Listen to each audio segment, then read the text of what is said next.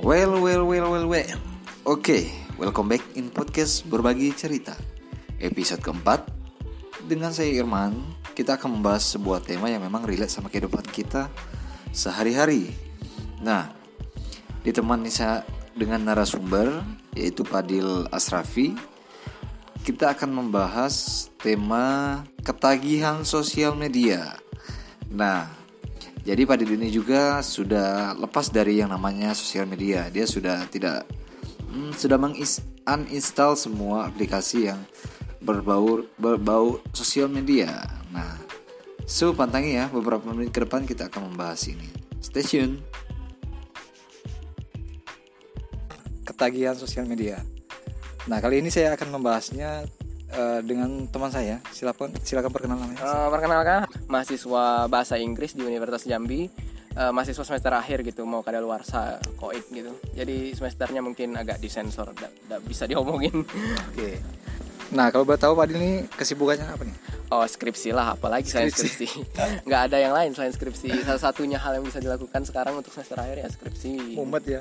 Uh, entah sekarang entah seminar entah sidang itu ya rahasia lah gitu. Rahasia lah. Dan dan hal-hal lain terkait kelulusan kayak kalau misalkan di Universitas Jambi ini ada syarat harus hatam Quran. Sekarang kami sendiri lagi juga lagi daerahnya lagi di sekitar sekitar Masjid Unja di mana kami harus melengkapi kelulusan hatam Al-Quran itu sebagai satu syarat. Kalau misalkan nggak syarat mana mau kami ngaji ini karena syarat okay. aja gitu kan okay. lebih baik udah usah ngomong skripsi ya iya iya itu agak Nanti, agak topiknya agak tabu dan sensitif. Tabu dan sensitif sama anak semester akhir. Yeah.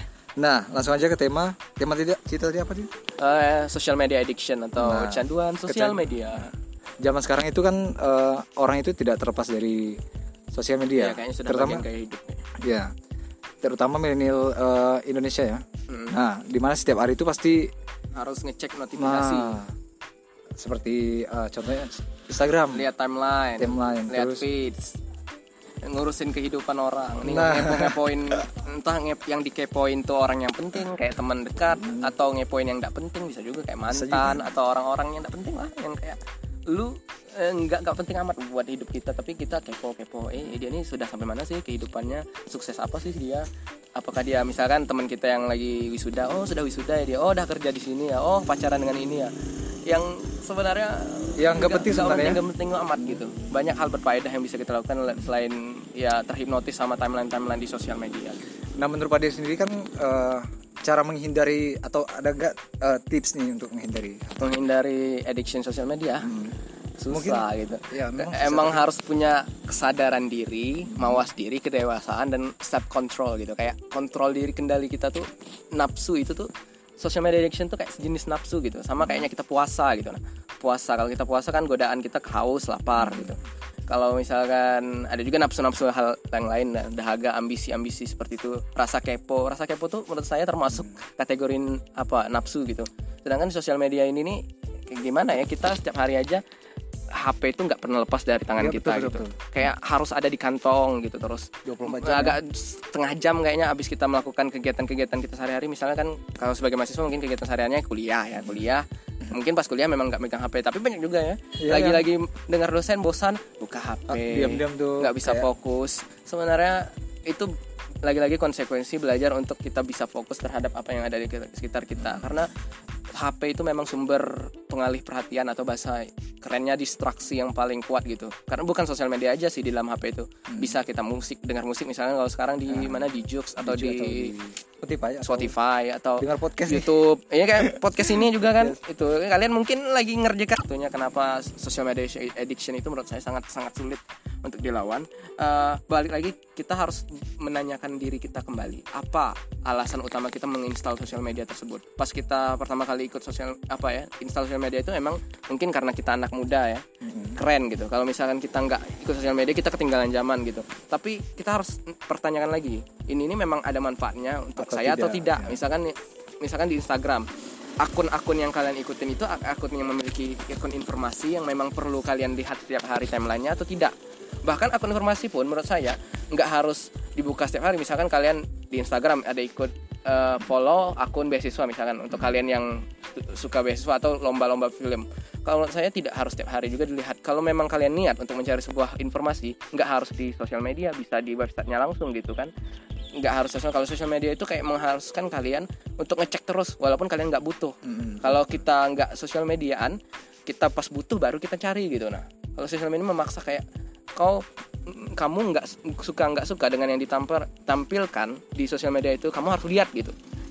Sama kayak berita di Oh. televisi sih Nah kalau misalkan eh, tadi kan eh, ada banyak tuh Hmm. eh, milenial yang menggunakan sosial media itu hanya untuk so, Up. ah, Mm-mm. kehidupan dia yang yang bagus-bagusnya aja gitu nah. oh itu banyak sekali ini jenis spesies yang sangat umum gitu Sangat umum ya. bahkan ada beberapa orang yang mungkin sebenarnya awalnya nggak mau show up Ah. tapi karena lingkungannya Ngelihat temannya ya lain, kan. lingkungannya tuh entah lingkungan fisik bener-bener temen yang sh- showing up juga jadi dia ikut-ikutan showing off atau temen virtualnya temen digitalnya di follow yang Hmm. orang-orang yang di follownya itu adalah orang-orang yang showing off selebritis artis Selebgram Ah, gitu kan. selebgram itu itu tuh tip, sebenarnya ya sudah banyak penelitian yang bilang kalau orang-orang yang selebgram itu banyak punya masalah psikologi narsisme narsisme yang berlebihan. Mereka sosial media itu adalah salah satu media pelampiasan Bulan biasa. an- perhatian mereka mereka itu butuh Oh, perhatian butuh gitu pengakuan dari masyarakat se- sekitarnya dan Jadi mereka sebenarnya diri mereka itu. sendiri tidak senang yang tidak senang kayak Tidak tidak, merasa bahagia gitu. puas tidak cukup dengan dirinya sendiri kalau orang lain nggak tahu gitu misalkan mereka lulus apa kerjaan atau mereka, mereka lulus skripsi atau mereka punya pacar bagus atau mereka jalan-jalan kesenangan yang mereka alamin itu nggak kalau zaman dulu sebelum ada sosial media kita fokus sama momen gitu. Hmm, momen. enjoy the moment gitu. Lagi liburan ya gue liburan aja. Gue lihat aja apa sekitar sekitar pemandangan yang ada rumput-rumput pohon-pohon gitu. Memang lagi ya. pacaran fokus sama si si doinya Temannya. si temen si ceweknya Pacarnya. gitu. Gimana membuat relationship yang baik gitu. Kita nggak fokus orang lain bodoh amat. Jangan pedulin kata-kata orang. Sedangkan sosial media ini adalah racun gitu. Kayak membuat kita harus apa pun yang aku lakukan baik baik lah rata-rata nggak ada yang buruk lah Iya. harus ditunjukin ke orang bahwa aku nih punya hidup yang bagus loh. Aku nih punya momen eh, dengan alasan alibi yang paling sering ya untuk orang sosial media ini bahwa kita berbagi kebahagiaan berbagi momen karena momen itu harus di share gitu. Eh tapi nggak nggak semua juga harus di share gitu. Dan kebahagiaan itu tidak didefinisikan tidak di diartikan sebuah kebahagiaan itu betul-betul berhasil atau bahagia 100% ketika orang lain mengetahui gitu walaupun orang lain nggak tahu pun cukup dengan diri kita aja yang bisa mensyukuri apa yang dikasih Tuhan pengalaman-pengalaman hidup itu itu sudah Jadi cukup gitu. bahagia yang sebenarnya ya. iya gitu Nah kalau untuk pada sendiri eh, main sosial media itu Ah, dalam seharinya berapa jam gitu nah? Sekarang eh, sebenarnya ini agak radikal ya. Kayaknya kayaknya kalau dikasih ya. kayaknya kalau dikasih tahu kebenaran ini nih tuh benar tapi jujur 100% Iya, ya. Kalau dikasih tahu ini kayaknya nggak per- nggak jujur- percaya nih yang ya. para dengar. Sudah di uninstall semuanya. Oh Delete. aplikasi Oh, memang udah sosial media. sudah di, di inst- uninstall semua semenjak beberapa bulan ini kayak merasa galau gitu. Sebenarnya sudah hampir setengah tahun sih. Karena merasa kayak nggak ada faedahnya. Kayak mm, introspeksi diri sih sedang kayak hidupku tanpa sosial media dengan sosial media apakah ada perubahan apakah ada perbedaan yang mencolok? Maksudnya perbedaannya itu apakah benar-benar riskan ataukah benar-benar kayak ada efek yang impact yang sangat besar gitu. Kayak I, I cannot live with this social media. Dan hasilnya kayaknya nggak sama sekali gitu. Malah lebih fokus ke apa yang ada di luar gitu. Jadi kayak uh, dulu pernah main sosial media Instagram Facebook ya yang rata-rata yang umum dipakai orang lah. Tapi ya kehabisan ide gitu. Kita ketika kita mendaftar re- register atau sign up ke sebuah sosial media ada semacam hipnotis dak kayak kontrak-kontrak tidak tertulis bahwa kita setiap minggu atau setiap hari harus posting Iya ya. Nah, kalau di Instagram mungkin sekarang nggak zamannya feed, mungkin story gitu. Sorry. Nah, oh, betul Nah, betul. story dikit-dikit setiap hari kayaknya story ini kalau kosong kayaknya Harus kayaknya hampa gitu kan. hampa gitu. Kayak nggak ada kehidupan, aku harus Betul, isi betul. sesuatu. Facebook juga. Kayaknya kalau nggak ada status hampa gitu. Kontrak kontrak tidak langsung kita kayak dipekerjakan oleh bos yang nggak kelihatan gitu. Bosnya itu ya pengusaha yang pengiklan-pengiklan yang dapat untung dari Facebook dan Instagram loh. Kayak mungkin Mark Zuckerberg atau Instagram siapa sih pemiliknya? Yang CEO Nah, CEO CEO itu yang untung gitu. Mereka dapat dari algoritma algoritma apa sih periklanannya kalau nggak salah. Kalau yang saya baca sih gitu. Dan sa- itu tuh membuat kita jadi kayak budak budak dari perhatian itu lagi. Kita merasa dengan memposting sesuatu kita diperhatikan orang jadi kita ketagihan kita mau lihat oh gimana sih responnya di likes banyak tak di likes banyak nggak gitu kan kalau misalnya kurang like-nya wah kok kurang menarik ya postingan aku? Padahal nggak ada yang mengharuskan itu nggak ada yang menyuruh itu. Itu bukan kewajiban untuk untuk membuat postingan yang baik dan di likes banyak orang. Itu bukan kewajiban nggak ada sama sekali hal seperti itu. Yang ada mungkin kewajiban kita sebagai mahasiswa untuk mem- membuat tugas yang baik dipuji oleh dosen atau orang yang kerja untuk menjadi karyawan yang baik atau menjadi pribadi yang lebih baik terhadap teman atau terhadap pacar eh, partner kalian gitu. Eh, real life kalian bukan di virtual life gitu. Dan hal-hal seperti itu tuh yang membuat ya nggak ada gunanya jadi eh, saya setengah tahun yang lalu sudah delete semua akun saya karena saya merasa saya ketagihan untuk share apa pun yang nggak penting dan saya merasa nggak ada gunanya saya share share Nah sebentar, sebelumnya Nah. eh, sebelum menginstal ada jenjang, masa ada tahap untuk sebelum berhenti dari sebelum drastis ya drastis. Drastis gitu. Ada kan yang namanya puasa. sos- puasa sosmed pernah sekali-kali tapi tetap gagal kayak puasa tapi ujungnya eh, nyambung lagi. Misalnya kalau orang eh, istilahnya tuh kalau orang narkoba itu ya kali ini agak agak anu ya sakau gitu kan. Kayak orang ketagihan sebuah zat itu setelah dia eh, keluar bener atau rokok lah misalkan. Mereka berhenti merokok otomatis mereka pengen rasa dahaga untuk melampiaskan kebutuhan mereka yang hilang selama seminggu. Misalkan mereka nggak merokok seminggu. Mm, lebih parah gitu. Ketika mereka balik merokok lagi biasanya bisa sampai sebatang atau se apa itu? Terbungkus. satu bungkus rokok gitu. Sama dengan sosial media. Jadi setelah kita puasa nanti dahaga-dahaga yang tak terlam tak terlampiaskan setelah kita puasa itu bakal lebih parah. Bisa sampai posting story mungkin sampai 10 gitu. Jadi sama aja gitu. Apa gunanya jadi puasa sama berapa hari itu gitu? Kalau ujung-ujungnya tetap tetap balik ke gaya hidup yang awal gitu.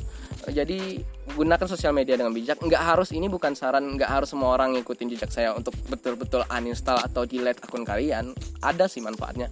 Tapi benar-benar uh, Dipergunakan uh, dipergunakan alasan utamanya sosial media dipergunakan pertama untuk komunikasi kan? Untuk komunikasi untuk kita bisa berhubungan bersilaturahmi dengan orang lain gitu. Kalau benar-benar ada nggak orang-orang yang kalian butuh butuh ditunjukkan kehidupan kalian? Mungkin keluarga dekat atau teman-teman yang betul-betul berarti gitu mulailah menyaring gitu. Teman mana yang matter and doesn't matter gitu. Teman mana yang ini dia ini memang penting buat buat saya dan yang ini nggak penting. Ini nih siapa sih dia nih orang asing gitu.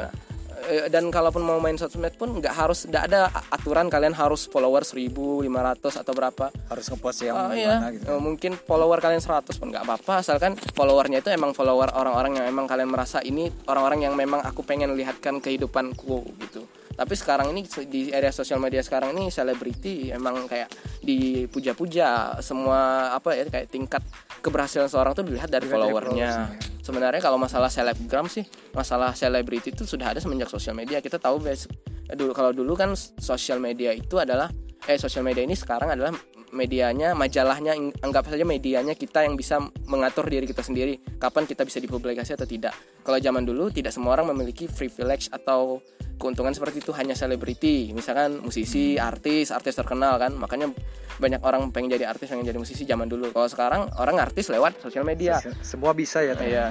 Kalau artis dengan musisi itu kan kalau di zaman dulu itu mereka juga narsis gitu, pengen media meliput. Kita lihat aja lah di TV zaman sekarang. Banyak-banyak so- selebriti yang kita tonton zaman sekarang di infotainment dan segalanya itu apakah semua itu berfaedah gitu.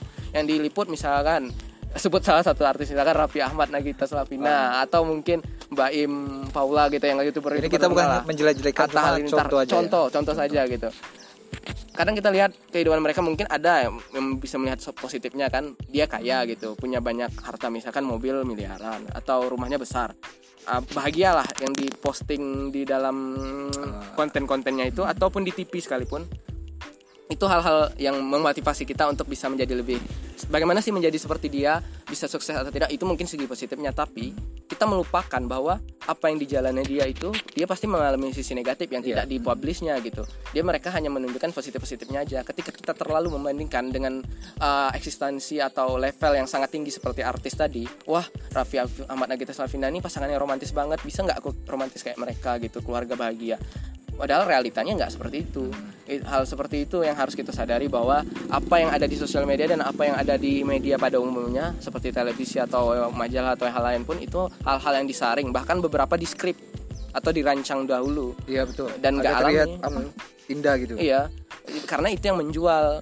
Sama seperti kita kalau posting hal-hal yang menarik pasti banyak likes-nya. Betul, betul. Itu. Jadi Yang Pak Eda sama An Pak Eda tuh ya beda harus punya kemauan mawas diri bahwa yang aku- apa sih tujuan aku main sosial media ini untuk connect co- real connecting with people orang-orang yang memang aku pengen connect atau cuman sekedar memuaskan ego itu sih Tidak dulu ya. Nanti. Nah, kalau untuk Padil sendiri eh, mulai eh, mengenal sosial media tuh sejak kapan? sejak SMP sih karena eh, sekarang semester 11 ya kuliah Eh, masuk SMP tuh tahun berapa 2008 lulus SMP 2011 itu 2009 2010 tuh era-era nggak salah era kejayaannya Facebook. Dulu pas 2008 tuh pertama kali dengar dari guru dari teman-teman pas masih kelas 1 SMP sosial media yang didengar itu Friendster serius. Pernah dengar eh eh, main Friendster nggak? Eh, main. Aku aku nggak gitu. Oh kayak mana mainnya? gitu. Nah Eh, anu eh, sign up aja bu- buat email. Ah buat email di mana? Dulu masih belum ada Gmail Gmail belum Iya, terkenal iya. masih Yahoo Yahoo. Yahoo ans- Yahoo Yahoo Yahoo email Yes. I- email ya email jadi eh, dulu pun mainnya di warnet gitu.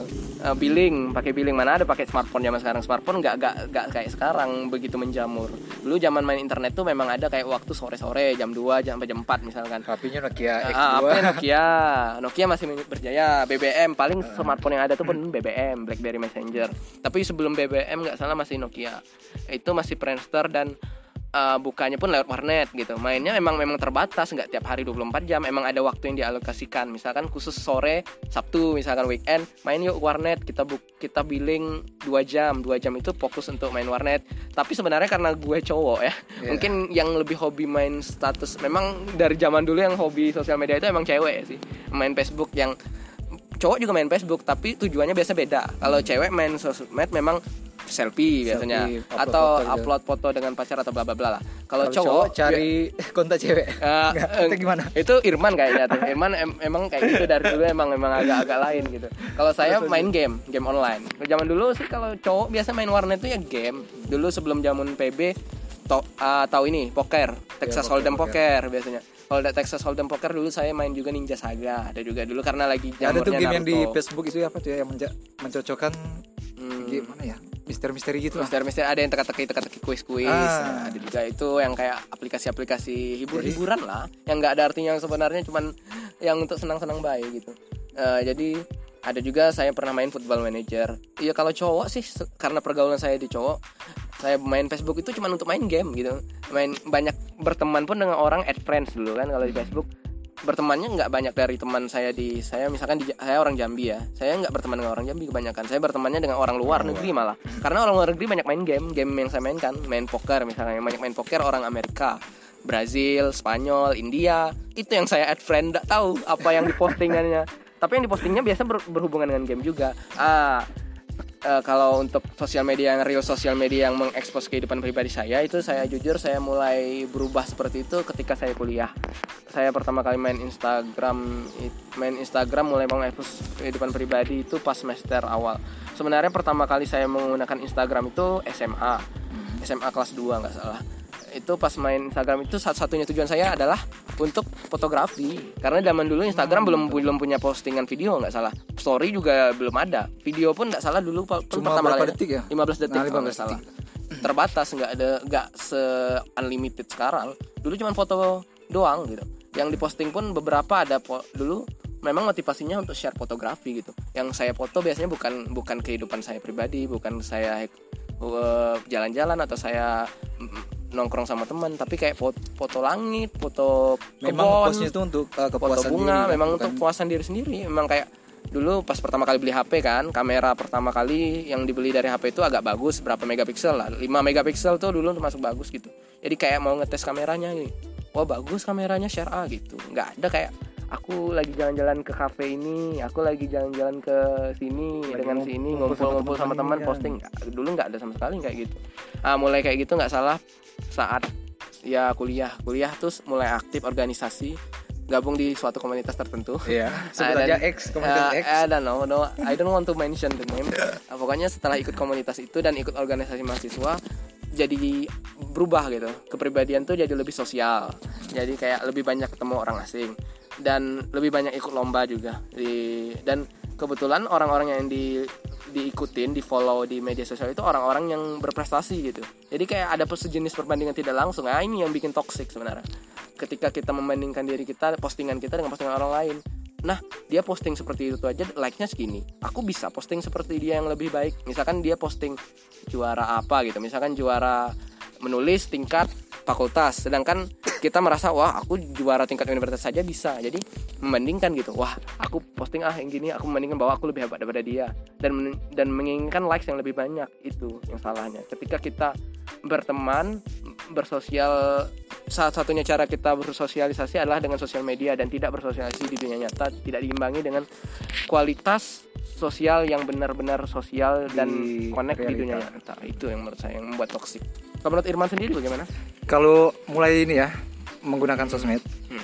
Nah kalau eh, saya sendiri eh, pas itu adalah zaman Facebook ya, Jangan Facebook di mana masih SMP kelas kalau nggak salah kelas 2 Nah di situ mulai mungkin main Facebooknya gara-gara game juga. Iya. Ada Zaman- teka-teki yang mencari apa gitu. Iya, kalau anak cowok tuh biasanya game-game tuh lah, Nah, PS biasanya. Dari situ langsung lah ketagihan terus mungkin untuk eh, bikin status ataupun upload foto itu jarang sekali ya. Iya. Status Nah. pun gaji-gaji. Nah gaji-gaji ketika dilihat sekarang statusnya kok Tuh, kok kayak pernah gitu. nulis gitu ya. Dan biasa huruf-huruf alay nggak? Iya. Pernah ngalamin? pernah Ya, yang pakai angka-angka, Iya. A kapital, huruf kecil, huruf besar gitu kan. terus bacanya nggak nggak tahu gimana. Nggak tahu gimana gitu. Dan eh, setelah itu beranjak ke Twitter nih. Wah, Pernah juga eh, terjun ke Twitter, terjun, memakai Eh, eh, memakai Twitter. Twitter. Nah itu sekedar upload apa ya kata-kata dulu kan kata-katanya lucu-lucu. bijak, Biji- quotes. oh nah, ya atau kata-kata Padahal lah. padahal quote itu aslinya cari di Google Eh, terus di copy ke copy Twitter. paste biar dianggap keren. Itu sebenarnya jenis plagiarisme. itu prinsip privasi sih, lebih ke privasi. Kalian harus eh, karena nggak semua orang suka melihat konten kalian pacaran Iya, itu gitu iya. kan. Jadi kan ya relationship sih secara umum bukan pacaran aja kayak teman dan hal lain itu kalian fokus dengan yang apa yang ada di dunia nyata aja dan kalaupun mau nge-share sosial media make sure ketika kalian men-share itu memang kalian punya tujuan buat seseorang orang tertentu misalnya kalian share untuk seseorang melihat dan orang yang melihat itu teman kalian yang memang berarti yang memang kalian pengen dia melihat kabar gue terbaru gitu misalkan eh, ada teman dekat yang dekat banget tapi sekarang LDR atau jauh misalkan terbatas kota dan nggak tahu kabar kalian pengen sosial media biar si teman ini tahu kabar gitu kalau itu sih bagus sosial media tapi kalau untuk orang-orang nggak penting yang kalian nggak kenal sekalipun itu mending nggak usah Ya. Hmm. Yup. Yup, itu sekian. Itu kalau dari dari saya tadi Iya. mulailah yang namanya puasa sosmed. sosmed. Karena dari situ kita bisa introspeksi, introspeksi Introspeksi diri. Nah, apa sih yang penting kata pada dalam kan? kita. Nah, kita bisa tahu juga eh, gimana ya? Kita follow orang tuh jadi apa ya? Tiruan kita. Siapa yang kita follow, nah Ah. itu jadi apa ya, gambaran Imitasi. dari diri kita gitu. Jadi dan kadang jadi fake Nah, jadi fake. dan munaf kayak nggak nggak asli hidup kita gitu kayak buatan manufaktur.